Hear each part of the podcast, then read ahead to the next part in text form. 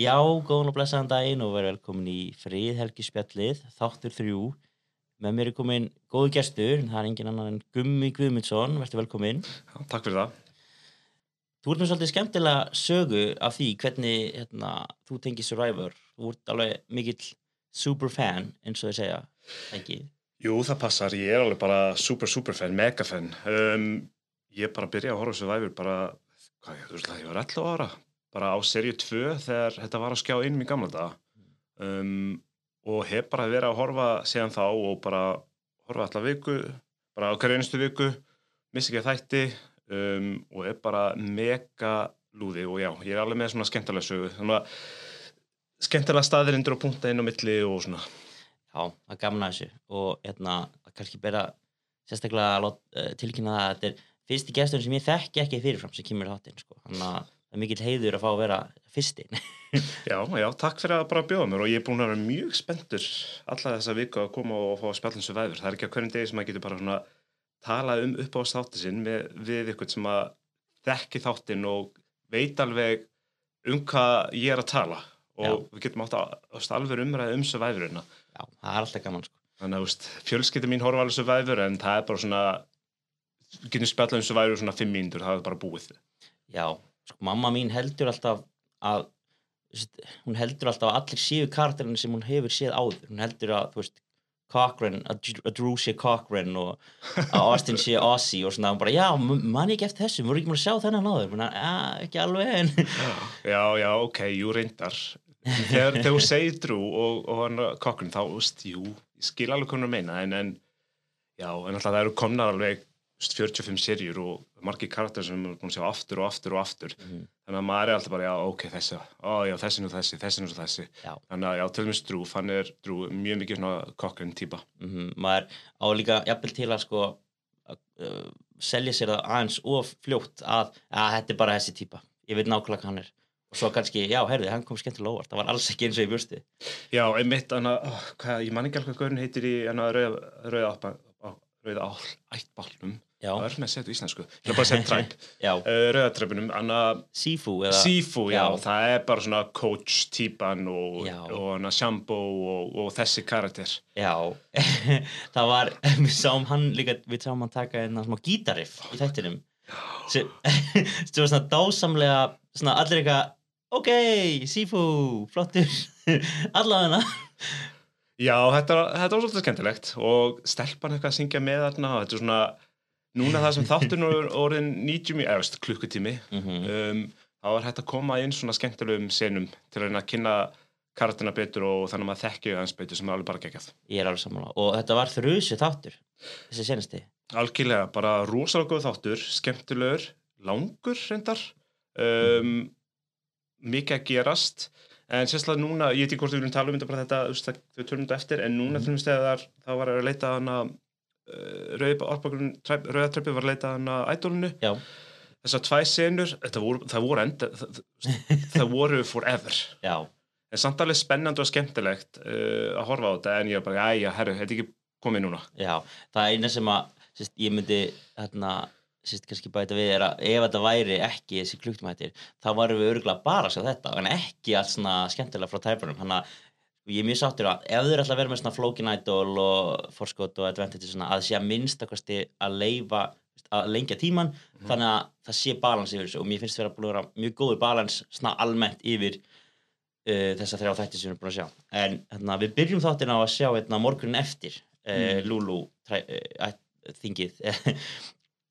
Og hérna, hún skilaði hérna, Emily skilaði þessi bæja Shot in the Dark sem er hérna, svona smá smá grillaforskot sem við höfum beint, ekki beint sé mikla afleðingar af en hún skilaði sérst þessi bæja því uh, til svona sína tröstið Mm -hmm. er það, er það eitthvað svona sem að uh, heldur að það hafi rétt múf hjá henni að skila tröstina því að nú er svolítið svona the writing on the wall fyrir hana að, að því er virðist. Hana, þau eru um þrjú saman það sem hann heldur allan og hún er ein þannig að þessi sjóttnindar gæti í sum tilfellin verið eina sem bjargar henni ætti þess að bæja að skila þessu til Emily? Já, þetta er góð spurning, ég var með þetta pæli í þessu. Um, já, að ég persónulega hef ég ekki gert það. Ég, bara, ég ætla að halda þessu þar til annar kemur ljós. Um, en jú, að ég veit ekki. Jú, ég held það. Bara sín, til að sína þetta traust og sérst að það sem að hún vildi vinna með henni setni í þættunum Já, hún að byggja, þetta traust. Það, það sé kannski málið, þannig að ég held hún var Sabæja var náttúrulega fann að pæla í, í sínu næsta skrifi Mhm. þannig að ég held það sé málið Já, hún var aðeins byrja að pæla í þessu fyrst áður en að kannski við sáum hana Mhm. ofinverðilega segja frá þessu. Uh, en ég var svolítið skarpt hjá Emily að fatta, byrju, hérna Jeff, hann, hann sagði bara voru rátt eftir tvö atkvæði. Það þýr að hefur verið þrjú atkvæði. Hvað var þeim fjórða atkvæði mm og þau eitthvað, um, já, ég við tókum ekki eftir því. Já, mér finnst það mjög gott hjá henni að bara nefna þetta og bara, bara vera honest um þetta og bara, herru, hvað er, að- hvað er í gangi hérna? Og, ég veit ekki, hún er bara, hún er mjög skemmtileg karakter. ég er sammála, hún er mjög svona fersku blær og bara svona, kemur bara hreint út og er hreinskilin stundum, eh, stundum aðeins of hreinskilin en, en það er rótlega gaman að sjá þetta sérstaklega þegar maður hefur svona verið að sjá mikið af svona gamebots á sinnst árum það sem maður fær ekki tilfinningu fyrir mannskunni eða típunni en, en er kannski afgjötir survivorspilar en hún er núna kannski að sína aðeins meira fram á eh, survivor svona hæfnina því að hún komst allan að lifandi úr þessu þingi Já, algjörlega. Það er líka bara svona gaman að sjá hana karakter, svona female villain sem er ekki búin að vera í, í bara nokkra seríur. Hún hana, mm Mhm. í seríu 41, það man ekki alveg heitir. Já, einmitt, hún var mjög skemmtileg og hana, um, já, það er mjög gaman að sjá svona female villains, en hún var alltaf bara villain í fyrsta þættin, en núna er maður svona að að rúta, eða veist, maður er bara root for her, því að hún er svona underdog núna, núna vill maður að hún, hún þraukir þetta, verði áfram og sé ekkert að fara neitt. Nei, nákvæmlega. Og líka ef maður pælir í fyrsta þættunum og þegar var að kynna hana, Mhm. hún sagði eitt mjög áhugavert, annarkort verið reikin út í fyrsta þættunum eða ég eftir að vinna. Já, en veit, ég tök líka þetta þannig að maður veit ekki. Það hefur ótti verið þannig í öðrum serjum að svona eftir á higgja þegar maður skoðar þá er ótti vísbendingar að því hver er stendur upp sem sigurveri Mér finnst eins og er eins og í eftir seri 40 hafa er, hafa er mjög svona hljóðlótar vísbendingar. Og þannig að það gæti alveg verið að, að, uh, að þetta sem er bara svona eins og mér fannst eins og Caroline í fyrra mér finnst eins og að vera alltaf að að setja upp alla serjuna eins og hún var að fara að vinna þetta. Og svo bara, nei, já, hún fekk engin að hvað í endan og bara, ó, ok. Ekki það að Jam Jam var ekki verður við sigurveri en maður bara svona fyndið, eða svona hvernig þið geta leikið sér af editinu. Mm Já, ég sammála þessu. Um, Já, í fyrra, þú veist, ég var alveg 100% viss að hún myndi vinna, það var bara bent allt til þess og svona það uh, sérina Island of the Idols Já. maður bara vissi að, Tom, að Tommy var að fara að vinna. Það var bara writing on the wall. Já. og þannig að það er mjög skemmtilegt að horfa á sériu þegar maður er svona óviss og maður veit ekki alveg hver er að fara að vinna. Og til dæmis þannig að sérinn sem að Gabriel vann mm ég var bara, hvað er að gerast? Ég var 100% viss að hún hann að Cassidy. Cassidy myndi vinda og hún sjálf Cassidy var bara what the Já, ég held að gerast? Owen var líka, hann bara byrti ha, ég held að það var millega okkar. Mm en nei, já, það var, það var svolítið, svo- það var mjög áhugavert og emitt, þarna, við erum búin að minna að stáða í hópnum að sérst, Emily segist alltaf að hafa sótt sérstaklega um eftir að hún sá Gabler vinna og hún var svo ósátt með það, hún sagði, herri, nú verð ég að sækja um. Flott við henni. Já, en við hefum líka oft séð hérna, sérst, ofta á lokaþinginu að það er, það virðist vera smá svona bias oft í kviðdóminum að sjáum oft einmitt konur sem hafa kannski spilað sterkar leik tapa fyrir kvöllum sem hafa kannski ekki gert það og það geti verið að því að hún minnir alltaf Emily svolítið á Cass og Chrissy eða svona, svona þessi típa svona þessi svona ofur rökrétta kona sem að gæti komist í endan en hvort hún fái virðingu Mm. mm. kviðdómsins það, það veit engin en mjög skemmtilegt mjög skemmtilegt að hún er svona pínu orðin svona eiginlega, ég myndi að hún er pínu orðin aðal kartin bara svona í sérunni hinga til. Já, ég er sammála því, það er já, ég er mjög sammála því, það verður mjög gaman að fylgjast með henni og ég er mjög spenntur að sjá hvað gerist í næsta þætti. Já. Að Svo- en svo hérna svo fóðum við að sjá hérna bláa atmanningin, Bellow Tribe. Mhm. þá sjá, fyrst sem við sjáum er að Jake tekur smá skúpin moment. Já, vá, það var svolítið svona intense. Mm og líka bara sjá hvernig hann hristist og bara, hefur ekki séð svona aður, þetta var mjög spes. Já, og maður er bara maður sér ekki alveg hann, hvað hann sé að detta til að byrja með, maður bara býst eiginlega við í versta. Mm. en þetta er alltaf reikalegt en svo kemur hérna Kendra sem verður vitnað þessu og þau bonda svona svolítið í kjölfara af þessu. Mm -hmm, einmitt, einmitt. Já, það var smá svona Mike Skupin moment. Mhm. um, þóttu við viljum ekki tala um hann. En já, já, um, alltaf já, Kendra og Jake þau, þau, virðist- þau verðist að vera fínt og ég er alveg að fíla Kendur það er eitthvað við hennar svona það er eitthvað við það er mjög leiðilt að við fengum ekki að sjá sinna í fyrsta þættinu þar sem hún fór að Já, hitt, hitt træpi, það hefur verið mjög áhugavert en jú, það er eitthvað, eitthvað við þau tvö, þau verðist að vera svona gott dúo, sko.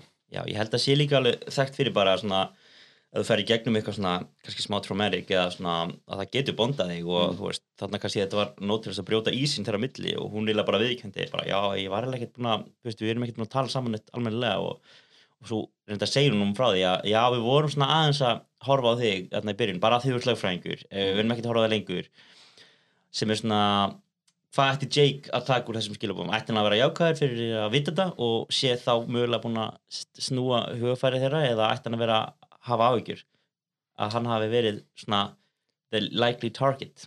Bara bæði og held ég. Um, ég, ég bara veit það ekki. Um, ég veit ekki hvort Jake sé eitthvað að hugsa það langt. Ég veit Nei. ekki alveg hvernig karakter Jake er. Hann verðist vera svona svona svona goofball og er, Mhm. er hann ekkert að pæla hlutunum en er samt að pæla hlutunum. Svona eins og Dean típan í að um, Sirju, já, 39 Ed, Ed, nei, já, Island of the Idols Já, einmitt, einmitt. Já, nei, hann er líka svolítið þversögn mér. Finnst það, bæði er með svona eitthvað I am from Boston. Mm. líka, en ég er líka þessi lögfræðingur. Þannig að það er svona já ok, en það er djúpur karakter en þarna, það verður svo forvöndin að sjá hvað hva hann gerir sko, við þessir upplýsingar. Já, algjörlega. Um, svo sjáum við hérna rauða ættbólkurinn, Reba Austin og Drew. Þeir eru að leita ædali mm -hmm, mm -hmm, og þeir eru uh, þeim gengur ekki vel til að byrja með. Mm og þeir eru ákvað að taka upp system þar sem að einn einn svona passar að síðan að koma og hinn fyrir að grafa. Og svo, mér fannst eitthvað svo fyndið að því að alltaf, þetta er Idolans Austin Mm. og allt í henni Drew þarna gómaður bara Já, af Alliance members. Já, algjörlega, þetta var svolítið áhugaverð sena, skemmtileg sena, hún svolítið eins og ég segði aðan, þetta var Mhm. svolítið löng sena. En bara já, já, gott ég þeim að, að hjálpa stað, þetta er svona smá svona er þetta nýja svona, hvað það, JT og hann að Steven. Steven, mm, duo, ég veit það ekki en, en svona alltaf sá maður að, þær tvær komu mm og voru bara hvað að gerast. Og hann lauði þeim, hvað sagði, hann, hvað sagði Drú allt við þér? sko hann byrjaði að því að ég held að hann málaði sér svolítið í hot með því að hann byrjaði svona að flý eða svona hörfa svolítið þegar þeir sá hann. Svona, hann, Mm. labba, hann, hann kom ekki bara hei komið þið eitthvað. Hann fór hans í byrtu og svo svona æ heyrðu ég þarf snúið og fór aftur þeirra og hann var ekki að segja já eh, við sáum Sifu vera að grafa hérna áðan, þannig að við erum að grafa núna Já, það var Og- það þeimitt. það var bara snurglega fyrsta sem skaut upp í kollinum hjá af því að nú, nú höfðu þið besta Sifu áður í einhverju svona yngri leit Mm. en ekki góð uh, ekki góð svona stað, já, ekki gott situation að lendi saman að dí líst þessu eins og að bara sjá að kærstæðin sé að halda fram í þær eitthvað svoleiðis Já, einmitt, einmitt. En það var bara mjög gott svar hjá hann, bara, já, herru, við sáum Sifu að gera þetta, þess vegna erum við að leita. já. Bara gott að kasta Sifu under the bus. og það, og, en síðan á endanum þá hérna fáðu þau þau þær til að hjálpa sér Mm og eru þarna að róta þetta eitthvað og, og meðan þeir eru í burtu mér finnst þetta svolítið áhugavert þá finna Julie og Dee sérst, þetta reypi sem að leiðir þær til hérna, leini hamars. Já, einmitt. og hérna og hún er eitthvað að tala þarna Julie í viðtælinu og, og segir hérna þú veist eitthvað við fundum hamarinn og það fyrst sem ég geri er að fara að ná í Austin og ég bara nei! Ég trúi þess ekki. Þær, þær, þetta var gullið tækifæri fyrir þær. Vitandi það að þeir voru ekki alveg hreinskilir í byrjun þær, þeim fannst það allavega fannst þetta svolítið suspicious. Í staðan fyrir að þeir hefði aldrei fattað það þeir eru búin að leita árangurslaust bara greinlega einhverja klukktíma þarna Mm þeir hefði aldrei fattað að þær voru með þetta Aldrei. Ég er bara, hvað er konan að gera? mm. Bara þær báðar, bara, já, ég hef ekki gert það hefur þær. En, en svo er náttúrulega þessi Julie, mamman mamman og auðvitað þessi, þessi mömmu típa, hún er alltaf svona sjönda Julie í Survivoru höfðu sem er mamma. ég, ég, ég sver, þær heita alltaf Julie Já. eða Julia Nákvæmlega, hún á svona Julie, mam, þessi típa kemst í Final 3, fær engin aðkvæð, gerir ekki neitt og svona allir skýta yfir hana í lokin. Ég bara hugsa Sherry og hana Julie hana í, oh, ég held að það sé Edgevikstin já, já, einmitt, einmitt, einmitt, þannig típa en jú, jú, hún verðist vera fín en svo hugsaði bara svona fín típa en veist, ég þarf ekki eitthvað að sjá hann í mínu sjónarbi þannig þannig að sé. Ég held að sem að ég held að ástæðan kannski fyrir því að þessa típur verðast alltaf að fá engin atkvæði mm. er að því að fólk er svona að þetta er bara eins og mamma mín, minnum eins og mömmu mín. Og svo bara eitthvað, mamma mín sveik mig. Þið get ekki höndla það. Ég held að, veist, þið bara eitthvað ég trúi þér ekki, þú ert mamma mín og þú sveikst mig. Ég ætla ekki að kjósa þig. Já, algjörlega, þetta er enda góða punktur. Dawn, nokkulega, hún alltaf ekkert svona mamma típa og sveik hann að brendu sem var alltaf bara hjút smál uh, þá. Cochran fór eiginlega bara með tvær mömmutýpur í endan sko. Já, hann vissi einmitt. það, að þetta væri, þetta væri bara búið spil um leðan að gera það. Já, nokkulega, hann, hann veit alveg, hann vissi alveg hvað hann var að gera það Já, En það er alveg komið tíma að ein svona góð mamma fara að vinna Survivor. Já. Það er bara, náttúrulega væri hægt að segja að einn af bestu spilurum sem sé náttúrulega mamma Mhm. sem vann tvisar.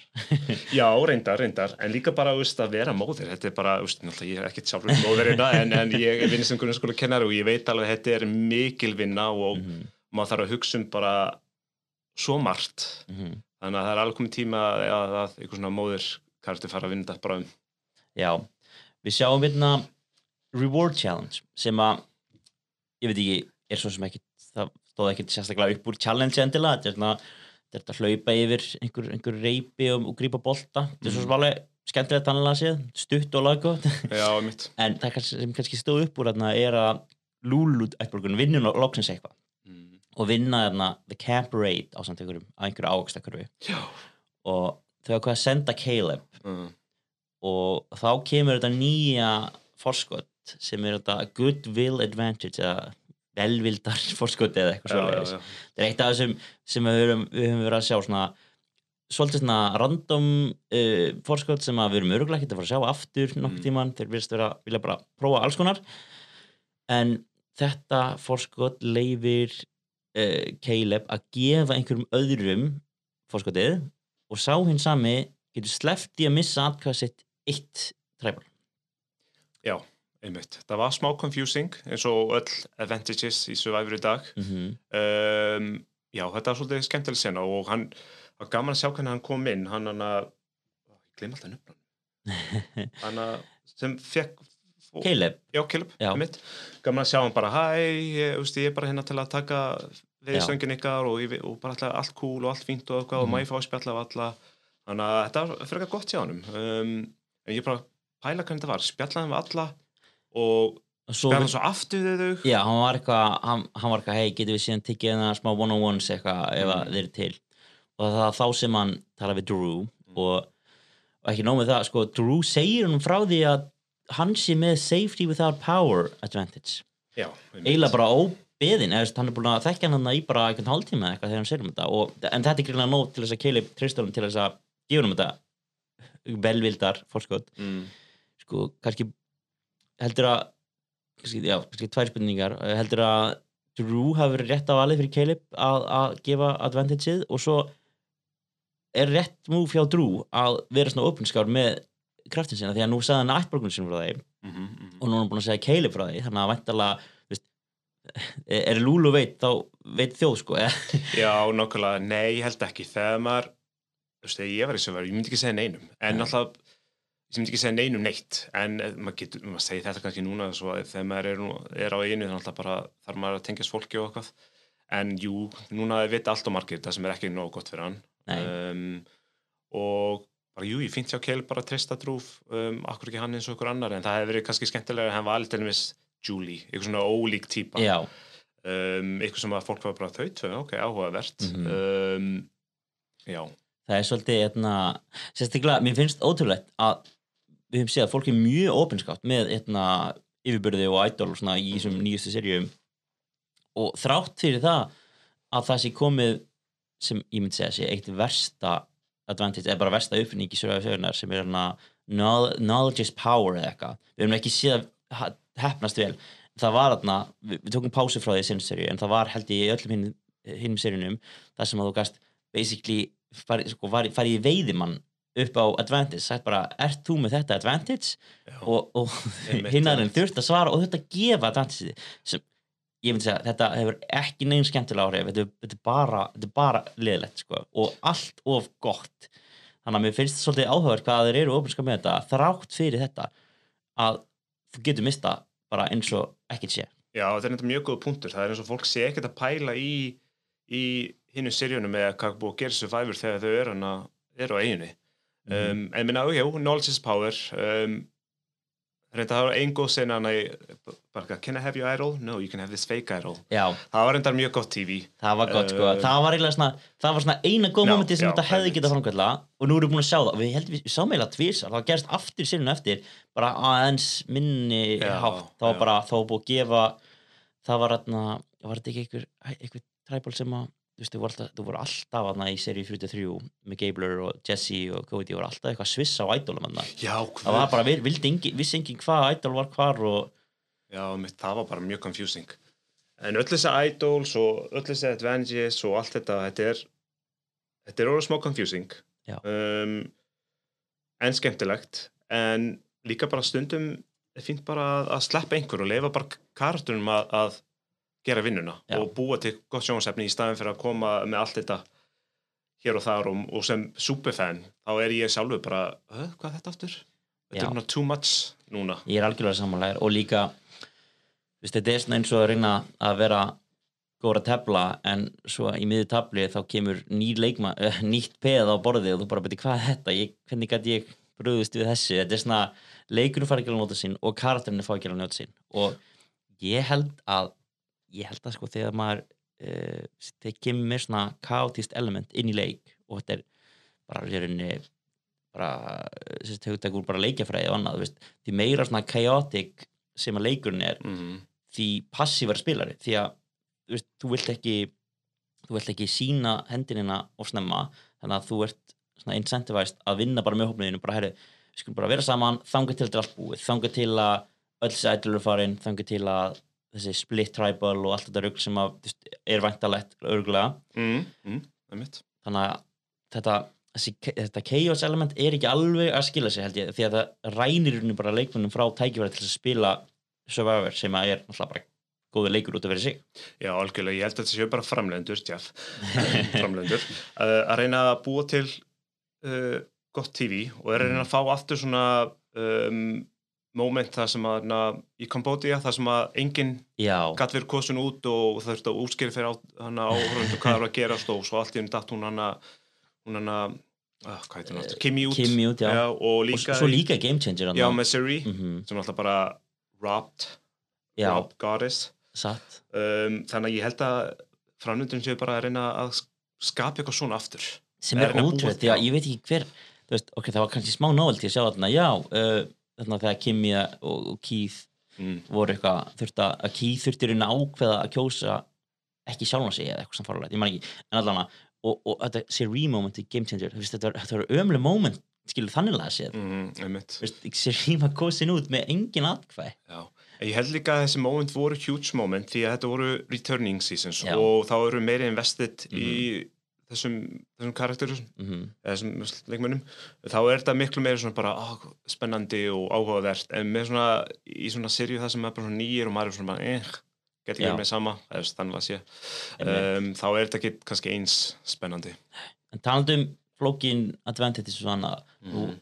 nú sáum við fyrsta skipti sérst, uh, almennilega reglurnar fyrir ædolið, hérna, að það var ekki nómið að það væri ratleikur eða hérna, kerti eða eitthvað svo leiðis mm heldur er þetta, þetta nýtt fyrirkomla og þetta er uh, já, sérst ædolið, þegar þú finnur hana það virkar bara fyrir næsta træbel sem þú ferði Já, einmitt. Ef þú sleppur í að kjósa einu sinni þá gildir það þangur til the merge þangur til að all the tribes are on one beach. Mhm. og þú sleppur í tvisvar þá Mhm. gildir út til Final Five bara eins og hefðbundið idol já, einmitt þetta er Þetta er áhugavert, ég meina við sáum nú hvað gerist í kvöld þegar, ei kvöld Við sáum sko hvað gerist í, Mhm. í, í síðasta þætti þegar að hún ákvæði að kjósa ekki og keima idol sitt Mhm.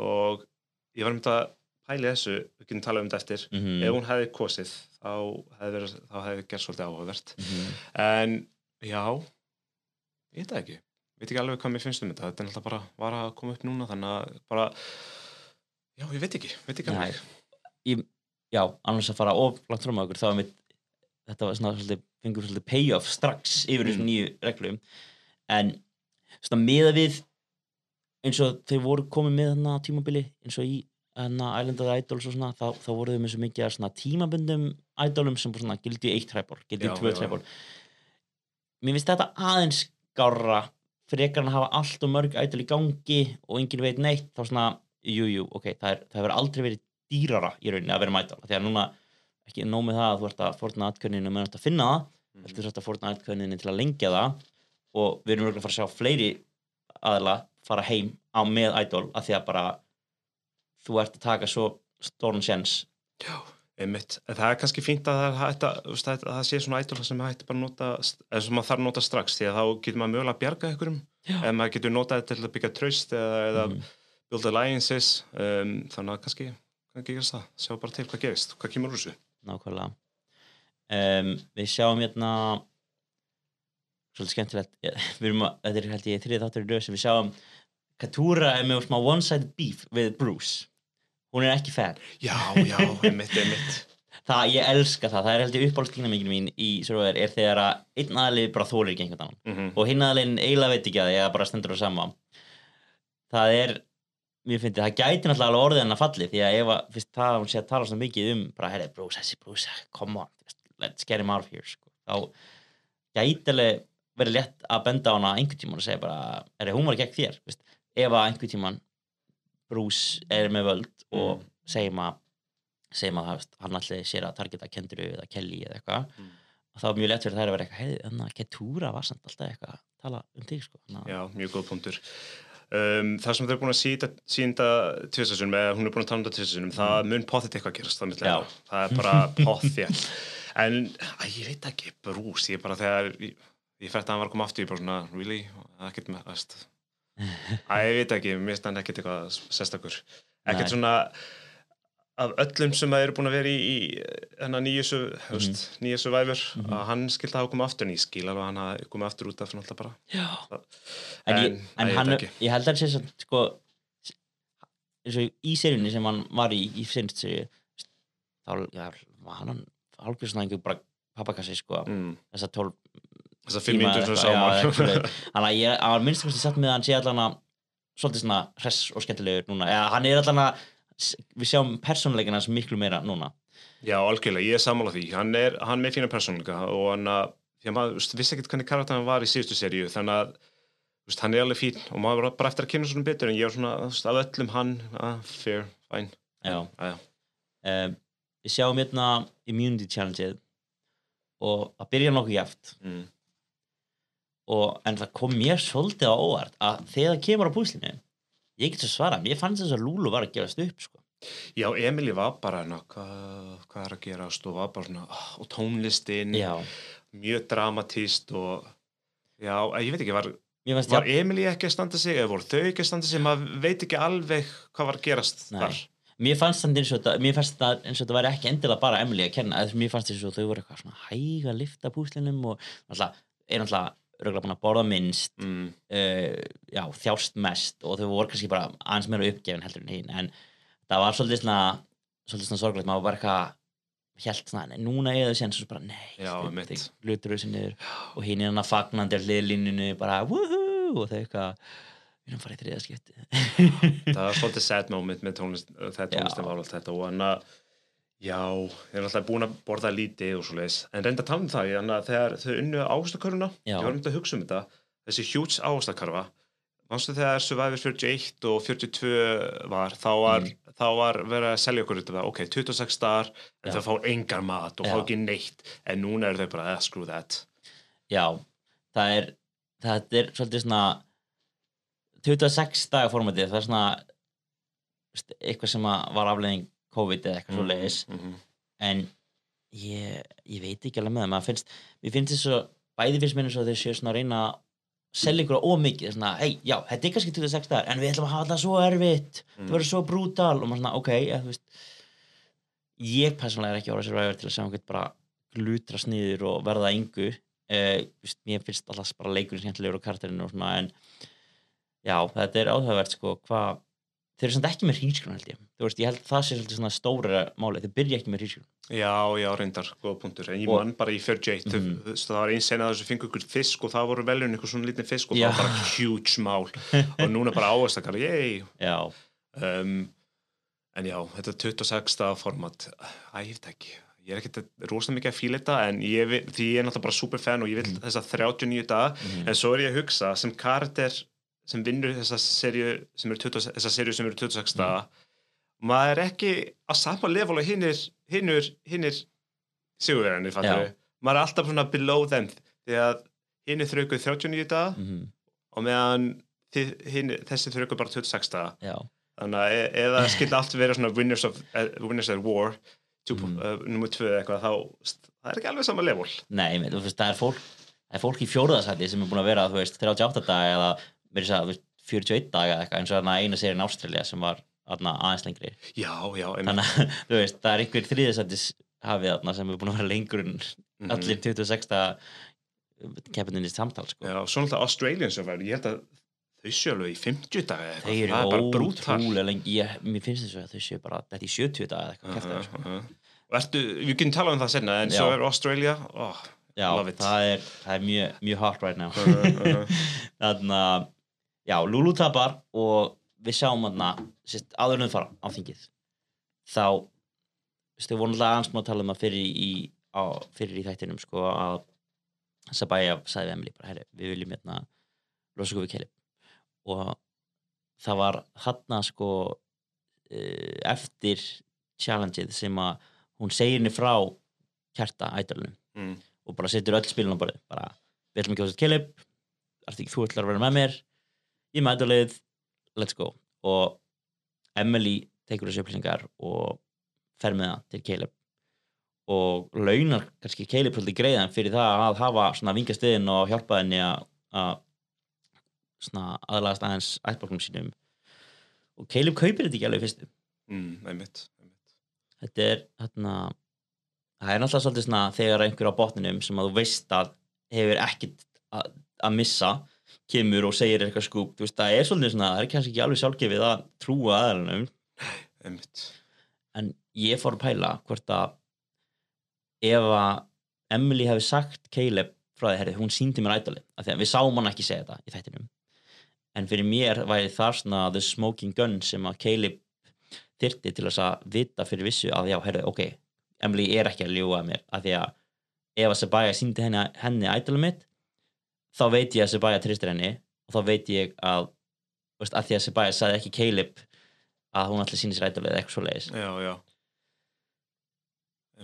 Þetta var svolítið þetta var mjög svona skemmtilegt eða svona áhugavert alltaf þegar þeir eru svona fjórir, fjagra, þryggja manna træbál þetta er svona mjög svona spennu þrungið og maður veit einhvern veginn ekki alveg hvað gerist. Mm -hmm. og við kannski bara förum yfir í þingið sjálft Já, þegar að Sabaya líka tekur út kertið og bara byrjar að grilla. Sko þetta var mjög skemmtileg sena. En þú veist áður, að- en samt það sem Sabaya var búin að segja við Caleb ok, ég ætla að segja þetta við Emily. Já, og svo fór Emily og sagði nákvæmlega sama við hann. Þá Já. var hann kannski bara ok, já ok Mhm. þetta, þetta passar.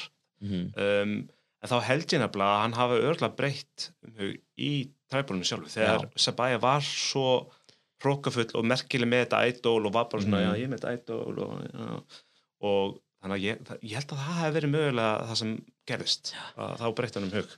Ég hérna þegar að hún fann þetta kerti hérna í seinstætti að þá hérna þá sá ég einhvern á reddit eða eitthvað að segja eitthvað, hún getur bara að grilla þetta í, á, þingir í brekka það er ekkert hægt, skilur ég hugsaði bara með mér það má ekki, það er ekkert hægt það er bara engin sens að það gerist. En svo bara gerum það og ég bara, herðu, ok bara tök málinn inn hendur bara. Mhm.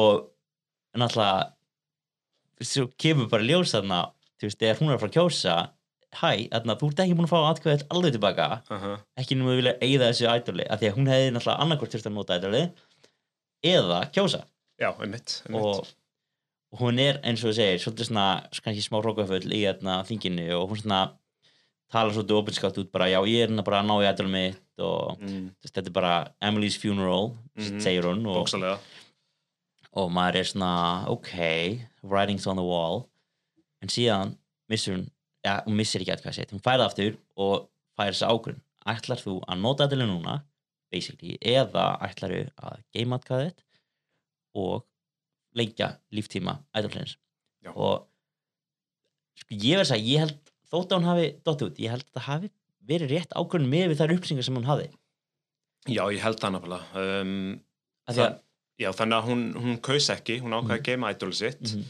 um, hún hefði hvað sem er ef hún hefði kosið, hefði hún hún hefði ekki dótt Jú, hún hefði, hún hefði hvað sem jú, dótt hún út hefði, Já, já, já, já, hún, einmitt. nei, hún hefði, hún, hún hún kosið, Já. hefði hún kosið Caleb já, þá, og það hefði verið jafntefli já, einmitt, einmitt og það hefði verið svakalegt en sko þegar að þegar við varum að lesa atkvæðin Mhm. þegar, þegar að ég sá bara, herði, hún er að fara að missa atkvæði ég hugsaði, herði, þetta er, þetta er one, one, one hugsaði Já, ég. hugsaði nákvæmlega sama og ég var bara svona að gera, að reyna að hugsa og svo, ok, hvernig, hvernig átt eftir að virka ég, Ég var að vonast að það myndi gerast já, ég var bara, þetta er að fara að gerast og ég var bara, ég trúi þess ekki að því að, einmitt Emily Quisabæja Mhm. og við vitum það að Sean var að fara að kjósa, kjósa Caleb og ég hugsaði, Caleb er bátt að fara að kjósa Emily Já, já, einmitt, ég hugsaði líka ég, ó, þetta var svo spennandi, en svo þetta gerist þetta var bara, wow, blindside. Já. Þetta þetta er mjög gott blindside, skemmtilegt blindside. Já, og ég, mér fannst þess að vera, vera að mála mér Sabai upp sem alveg stóna karakter sem Já. maður er að fara að kynnast uh, meira og, svona, og svo bara,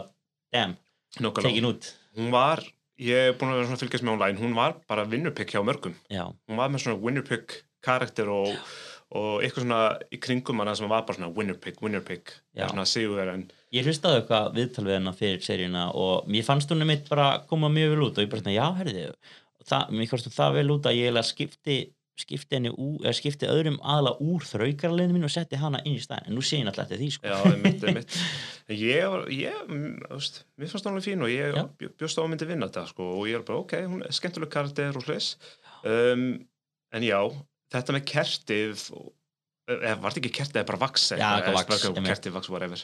Um, CBS ætti að selja þetta á netinu á, á, á hana, their online store, ég myndi báðið að kaupa þetta.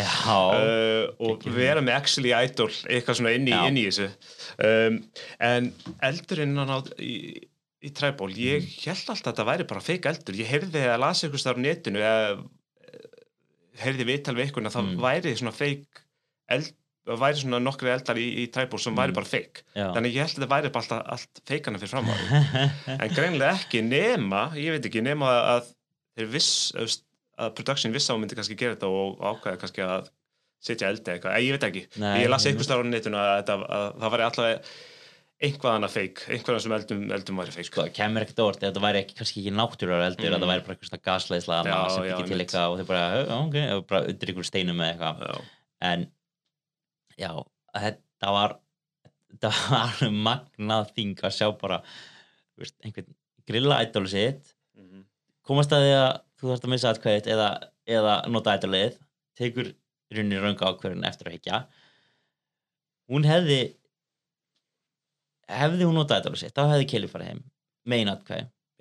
Satt. Þannig að það voru nokkur útkomur sem hefði getið gerst og allar nokkuð, nokkuð magnaðar. Besta úkumann, Emily fór ekki heim. Því Emily er, er good TV ég sammála, ég sammála því. Um, Caleb er alveg líka skemmtilegur og fítn og ég held að hann er líka eftir að ná langt en hann er pottet svona hann, ég held að hann er ekki eftir að ná alveg í, hann er final 3 eða Nei. final 4 því að hann er svo mikið jury threat. Já, með við það, þau voru strax bara svolítið snemma í, þætti þrjú bara, hann er örugglega, threat að vinna í endan við skulum Mm. kosin út núna. En já, hann var með smá svona sölumarstakta líka bara þegar hann fór yfir í rauðarblokkin og maður svona, hugsaði með mér fólk fíla hann rögla en er ekki tilbúið að tristunum, þú veist, alveg þanga til í endgameið, sko. mm, einmitt, einmitt. En jú, þetta er, þetta solid þáttur, skemmtileg þáttur og svo preview fyrir næsta þátt þá Já. verður tribe swap. Já, loksins, það er ekkert búin að vera tribe swap síðan bara bara Winners of the War. Já, það var hann eitthvað svona pínupons, eitthvað fór yfir, að, það, það var með þessi bara einu þætti og svo bara hætti Matthew, ég, ég minni að hafa ekki sem neitt verið kosin út af það, það var hann bara eitthvað allana, þetta er fyrsta alvöru tribe swapið mm ég er í mjög spenntur. Ég ég held að þetta eftir að gegja og líka bara sko eh, ég elska Survivor en eftir, fjör, eftir 40 og COVID-serunar Mhm. og allt þetta ég er, að, uh, ég er svona hægt og rólega að missa á hann en mér liður eins og ég sé að tala illa um Survivor en ég diska Survivor, þetta er bara upp á státturum minn og, Mm. og allt þetta. En þessi serið, það er eitthvað við þessa serið sem er svona að, að, að peppamann já, Pepperman, Þa, þáttunum lengri, kartin eru mjög skemmtilegir og introið komið aftur sem er geggjað. Elska introið. Já, mér finnst þessi svona að hlusta aðeins meira á uh -huh, gagnumsættina uh-huh, uh-huh. og, og bara, herri, ok, þið viljið intro, viljið intro ok, við skulum hafa Mhm. og bara, er, nákvæmlega, þetta er nákvæmlega sem var óskæftir og viljið tribes up, já, geggjað en þetta er eins og þú segir, veist, maður var kannski komið með píningu på hans leið aðlað bara því að þetta var orðið svo fyrirsjálegt og Já. þú veist, og það var það fyrirsjálegt að leikminni voru byrjað að skipilegja í kringum það mm, og en hérna en Survivor er smá svona eins og pizza skilur, jafnvel slime pizza er samt góð, pizza er alltaf endan og góð. Algjörlega, ég er sammála. Ég er sammála. Ég mun aldrei hætta væður, aldrei. Ég mun alveg karta inn á milli já, en minna samt, ég ætla ekki að vera alltaf neikvæðir en ég ætla að vera ógæslega jákvæðir núna um þessa seríu þýttir bara, hún byrjar rosalega vel, ég er mjög spenntur Mm. að sjá hvað gerist og já, ég veit ekki, hver, hver er you winner pick? sko fyrir sérina þegar ég var að horfa einhverju viðtölu svona, þá valdi ég Kelly Mm -hmm. uh, í bláaltbrekkunum og þú veist, hún er, hún er kannski búin að vera smá svona þögul já, en maður veit ekki, maður veit mjög lítið um hann eins og er. Neða, bara eitthvað að hún sé að vinna hana með Brando og svona, en ég skrifa það pínu á bara að náttúrulega Lulu er hana aðal ættbrekkunum þrá þætti í rauð og náttúrulega Erika eins og frækt er bara mjög ósynleg bara þangur til að ég endan uh, en en hvað, varst þú með eitthvað svona vinnurpekk fyrir sérina? Sebaya, Já, já, en núna æ, ég veit ekki, kannski Emily ég held að hún eigi kannski eftir að vinna með það sem kom fram í fyrsta þættinum. Já. um, ég held líka að við sem komum fram við svona fyrstu uh, þingin og nú byrja fólk svona herri ég get pælt í Emily sinna það vilja taka kannski uh, svona stóru threatin fyrir já. the merge. Já. Svo Jay Cannifield, Kendra, hún er skemmtileg. Um, svo hún hana sem er lögfæraðingunni í, í bláa Já, Katura. já, hún er mjög skemmtileg líka. Það er, já, er að fíla hana.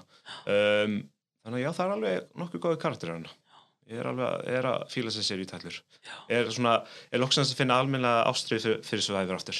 Já, þannig að þessi serja er, er finnst mér að bjarga þessu nýja sögvæður já og ég held líka að því að nú myndist aðeins að það ég held að þeir hafi séð eitthvað af þeim viðbröðum sem að ástralska survivor hefur að fá sem eru lengur þættir og ég held að þeir hafa tekið einhverjar smákrum til eins betra, ég held að kannski byrjun og voru svona, við ætlum ekki að ávarpa þessar eh, Australian Survivor að svona, viljum, við viljum bara vera við, en mm.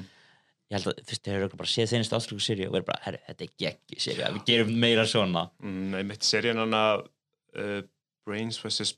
Já. held ég, með, með George og já, þeim það var alltaf bara geggjuð serja það- þegar heilífan, já, geggjuð serja og það var ekkert mikið idols eða, eða twist hér og þar. Var, þetta voru karakterins Mhm. þetta var geggjuð serja og líka síðasta serjan um, Hero, það var Heroes vs. Villains já, já, já, já, einmitt. Þegar, það, ég- það, það er svo geggja við ástralsku hérna, seríuna er að veist, þegar það eru góðu karakterar þá farðu bara að sjá allt um þá. Mm og þeir eru ekkert eitthvað, nei, herri, við þurfum aðeins að passa okkur að sína ekki of mikið af King George því við þurfum að sína hérna, einhvern sem er bara kannski mjög óspennandi. Og eins og ég segi, fyrir það sem hafa ekki síða ástralsku survivor þetta er, þetta er eiginlega bara besta survivor í dag. Algjörlega, þetta er bara must watch TV sérstaklega sem Survivor fan þá verður maður að horfa ástraklega Survivor, það er bara must. Það er ein, það er ein serja sem ég myndi ekki mæla með samt. Ja, sérst, það eru allar fínar en það er ein serja sem ég, ég hreinlega gafst upp á. Sem serjan, það kom aðna Brain, Brains vs. Bronze, eins og segir geggjuserja, svo kom aðna Blood vs. Já. Water serja á milli og hún var, hún var ekki ekki góð, hún var ekki var, þetta var svona eins og að pínu að horfa á hérna, málingu þarna, af því að málið er bara að þarna var ekki verið að spila mjög spennandi leik og það var bara ákveðinarlega með mikla, mikla yfirbyrði Mhm. og það var bara ekki að, að breytast Nei, og svo kom síðan beita eftir vs. Villains og hún var aftur í geggjuð þannig að ég myndi segja svona 6 af 7 serjum af þessum nýju ásvöldsku serjum eru allavega mjög góða alla serjun með George og Shawnee. Já, Sjóni er já, alveg bara að dyrka hana. Já, þetta er uh, já, ég er alltaf mjög spenntið fyrir að sjá hvað kemur úr þessari serju og hann að eins og segi um, ég er alveg með mjög langa Survivor Já. söguðina endilega, segðu mér frá því, hvernig eins og þú, þú ert superfan.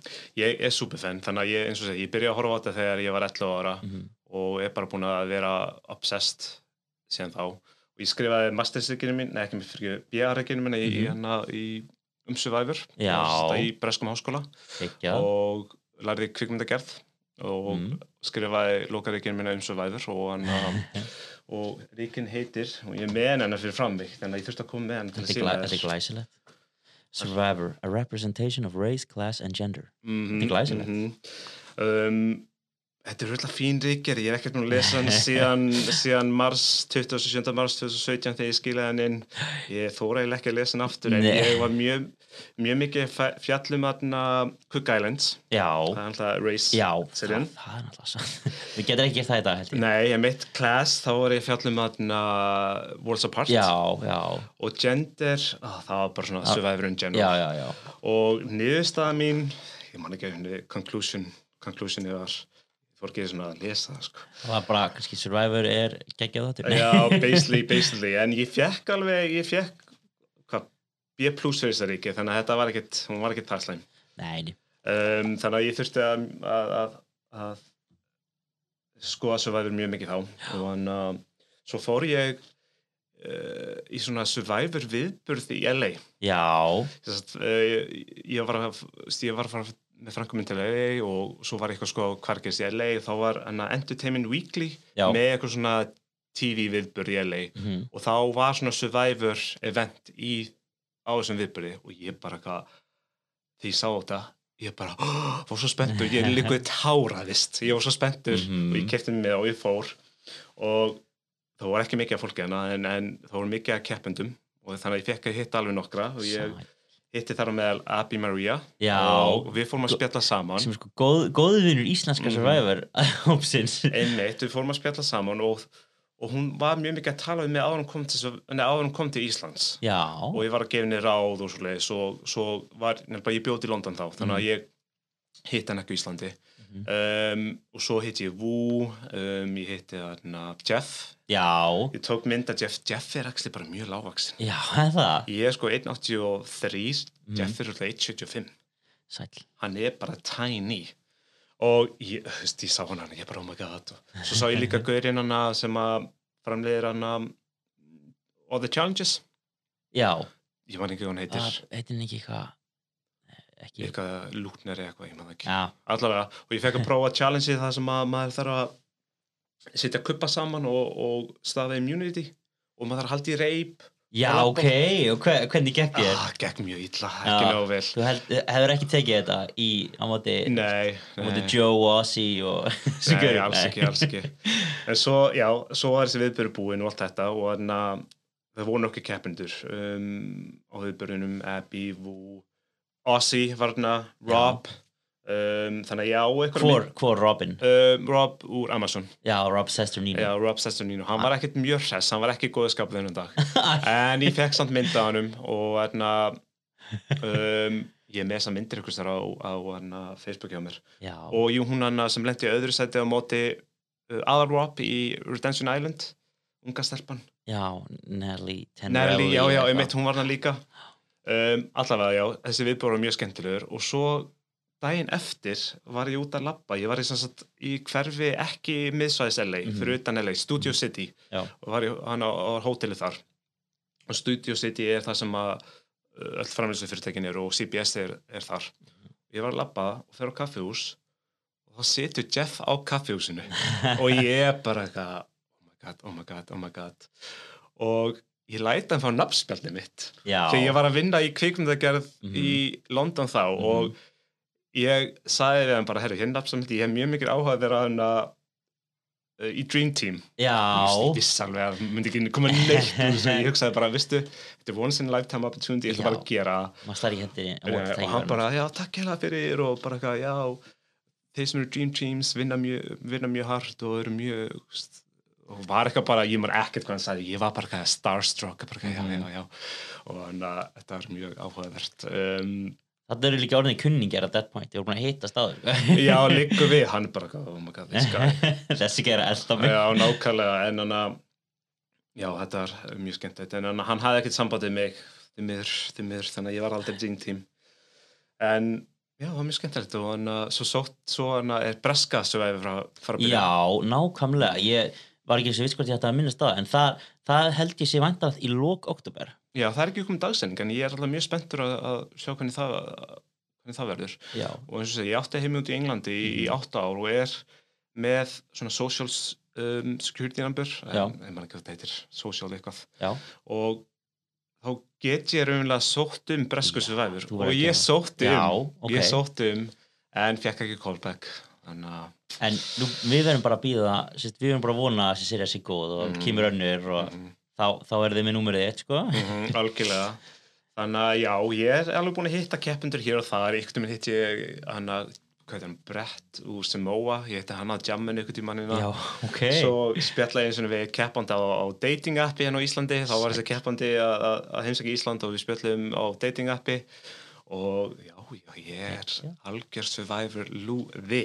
já, það, við, lúðar eru við öll sko. Já. það er þetta er náttúrulega bara veist, þetta er náttúrulega er oftast þegar einhverjur eru, einhverjur superfans veist, þá eru þið kannski superfans af bara einhverjum skaldum personum skilur Mm, sem eru með overkraft eða eitthvað. En Survivor náttúrulega, þá er maður að kynast alveg fólki sem að fyrir síðan bara að vinna sem hjúgrunarfræðingur aftur eða þú veist þetta er, í flestum tilhildum bara mjög eðlilegir einstaklingar sem að einmitt, njóta smá fræðar í svona mjög lokum circle og það er ótrúlega gaman að, að fá tækifæri til þess að hitta, hitta þau sko Já, algjörlega, og þetta er bara fólk eins og við. Já, Og veist, hver er svona uppáðskeppandi þinn?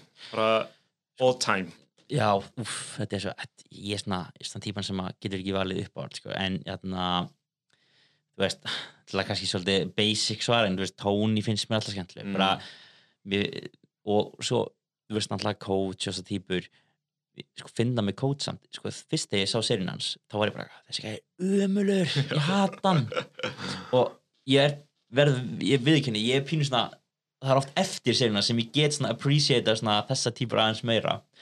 En að ég veit ekki, ég er bara uh, ég er bara mjög gaman að flestum Parvati og Mm. Sandra og uh, Siri og allir þessir svona aðal Bara karakterar, legends. allir þessir legends eru svo geggjur sko. Og já, ég bara put me on the spot ég er að muna ég er að koma með eitthvað svona gott svona, svona underrated pick sko Já, einmitt, einmitt. en með þetta er ekkit í hug sem, ég þetta, ég er með nokkur hot takes sko, ef þú vilt heyra þeim Já, ég er hleyfi. sko, fyrsta hot take mitt er að Ossi var screwed í Cook Island og hefði þetta að vinna Já.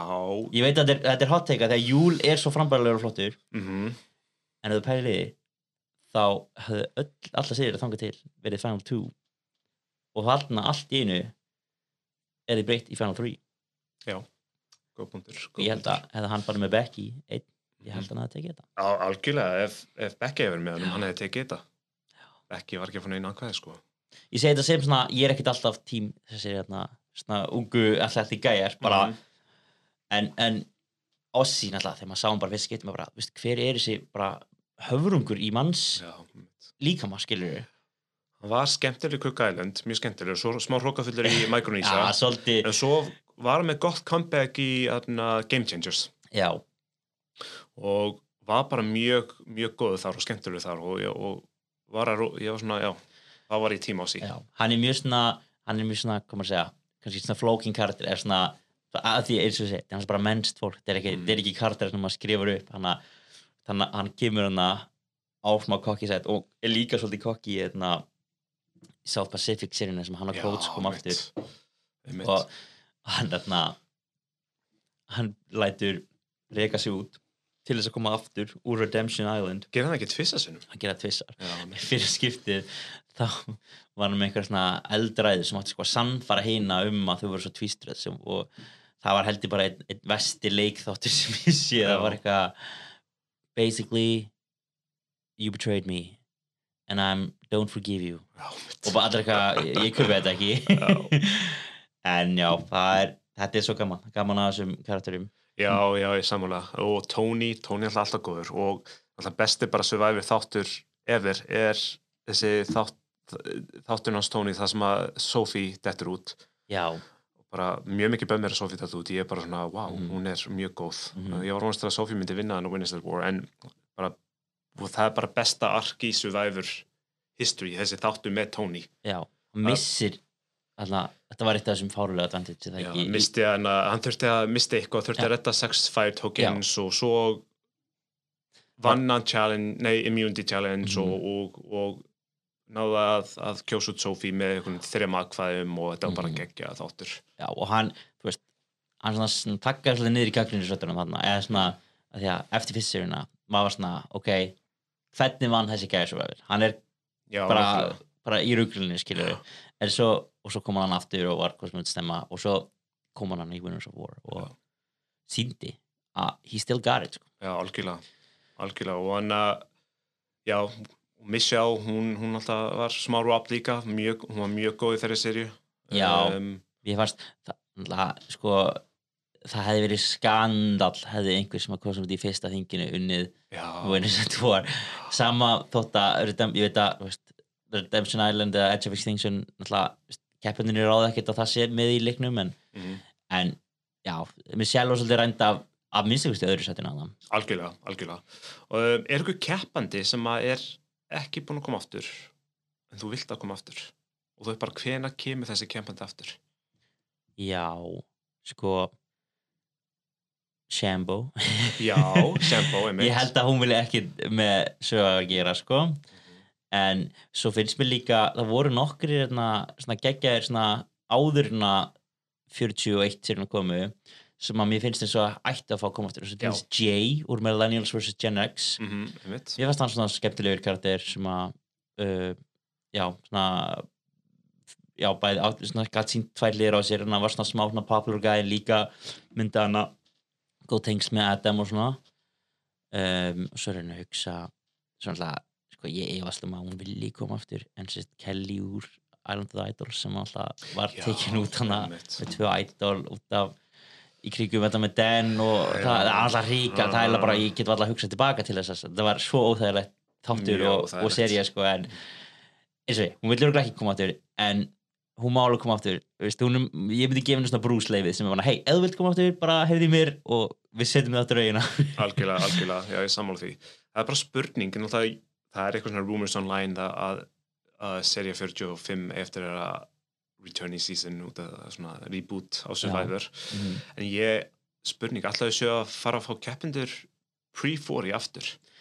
Sko, ég, Jeff var eitthvað múin að tjá sig um þetta og hann sagði eitthvað uh, að, að, að, að það var ekki í myndinni. En ég skil ekki hvernig ég get ekki gert það. Það er bara, það er svo mikið karakterum og til dæmis uh, mér fannst til dæmis karakterir úr Heroes, Heroes Hustlers uh, eins og til dæmis Dr. Mike. Jafnvel bara, þú veist, Ryan og Devon og Chrissy Chrissy jafnvel líka Já, sko.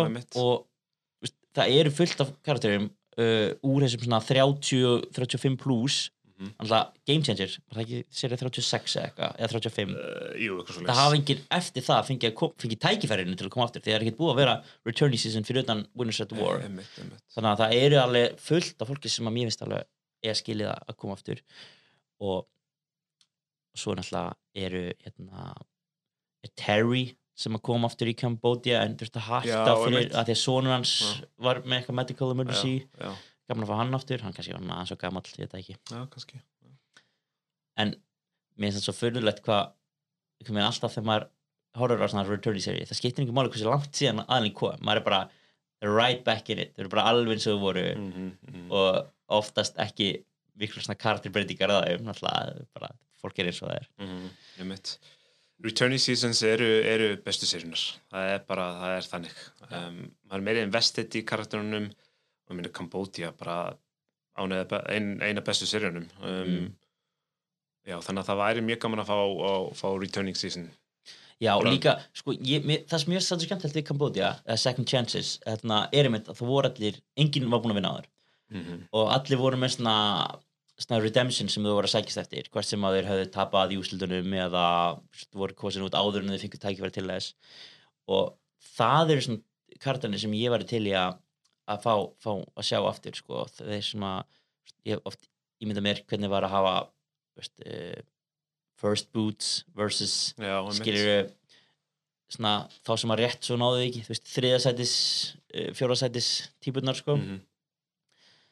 tala um, hefði já, reyndar hérna, eitt first boot sem að í nýjum, náttúrulega Ream Já, of Extinction. hún þarf að koma aftur. aftur. það er bara must og svo fannst mér líka hérna í seri fyrir það tvö man kannski man engin eftir hennum en mér finnst svo hana Zach Wardenberger sem var bara svona ungu strákur. Já, með, sok með sokkana Nei, það, nei, það er Jacob Dervin sem að, en hann, hann hætti líka að koma aftur. En það var einhver Zach, hann mjög já, en hann er út að finna á Twitter Já, ok, já.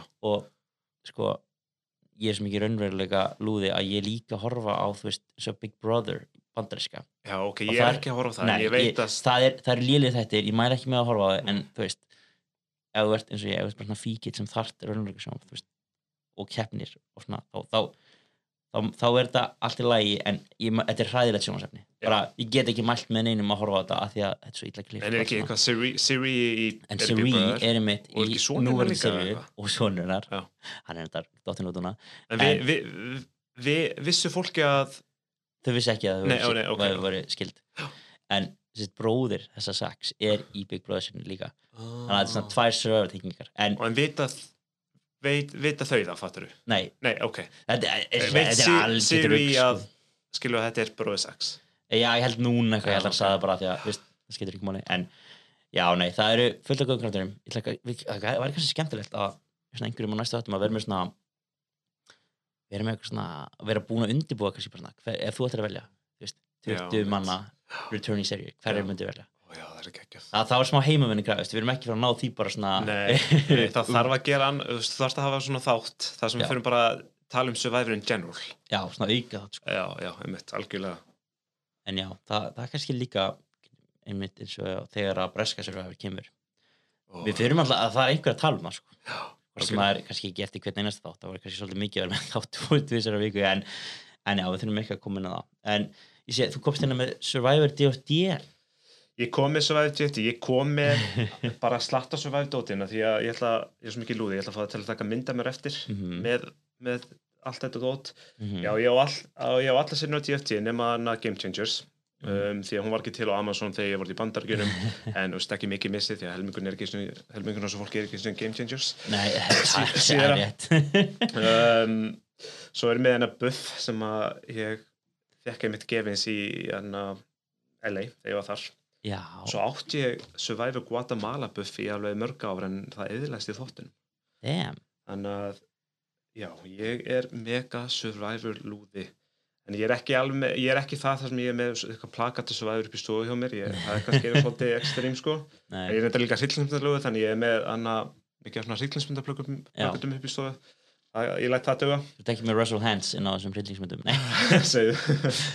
En hann að, já, eins og segja ég er bara algjörlúði um, og það er mjög gaman að geta að tala um Survivor við eitthvað alveg í heilan klukkutíma og væri gaman að hafa eitthvað svona posta á hana Survivor-grúpunni á Facebook að hafa eitthvað viewing party því ég veit að það var, hefur alveg verið Mhm. viewing party það var viewing party þegar Abby Maria var mm, svo var eitthvað viewing party þegar finali var fyrir mörgum árum en æ, er, ég held að það er gaman ég held að ég held að sé alveg stemming, ég held að sé stemming í kringum þessa serju, sjá marga Mhm. joina aftur en hóp og, og svona ég held að alveg, þessi verið að kanna áhuga sko, lega bara eitthvað sal í biopartís eða eitthvað svona sniðut sko. Já, algjörlega.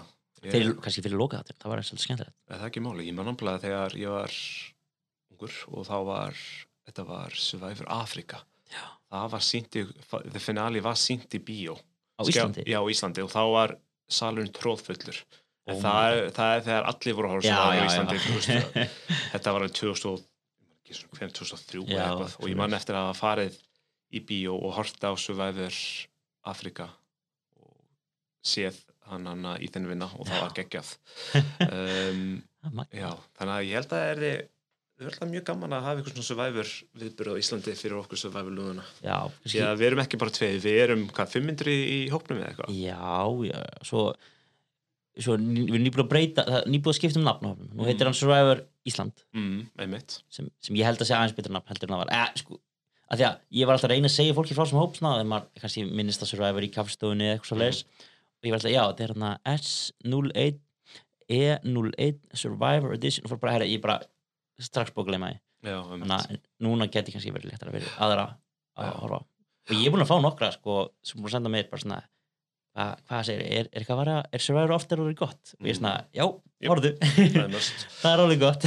Og ertu, ekki að er, er ekki komið inn og góða gesti fyrir næstu þætti og svo leiðis sko, ég er ekki búin að negla niður neitt sko, en ég ætla að hafa þú veist, ég meina, þú, ég, ég ætla dat- dati við að bjóða þér aftur bara, við tekja fyrir að hafa bara svona einhvers konar rotating svona line-up af Mm. bara öllum sem að í rauninni vilja hljómar mjög svo, vel svo lengi sem að fólk segir enga, skandala hérna, í útvarpinu eða í hlaðvarpinu og þá, þá er það velkomin aftur já, sko. já, þú getur að kosti klifta út þannig að það er gott um, já, ég ætla að gera ég ætla að fá koma eitt sjátt eða Já. sjátt átt þannig að Þorsteinn Flóki sem að er fyrirvendi nefandi minn og við tölum oft um Survivor. Ég er grunnskóla kennari og, og hann að- ég var kennar hans í fyrra. Já, og hann horfður á Survivor með, með mömmu sinni og fjölskyldinu sinni.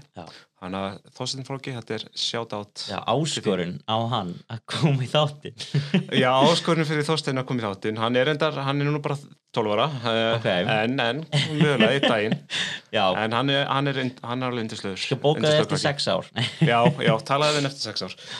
En Þorstein, sjátt átt Herra, já, uh, á þessum nótum þá bara kveðum við held ég í dag og bara þakkum hlustununa og já, heyrumst eftir viku. Goodbye.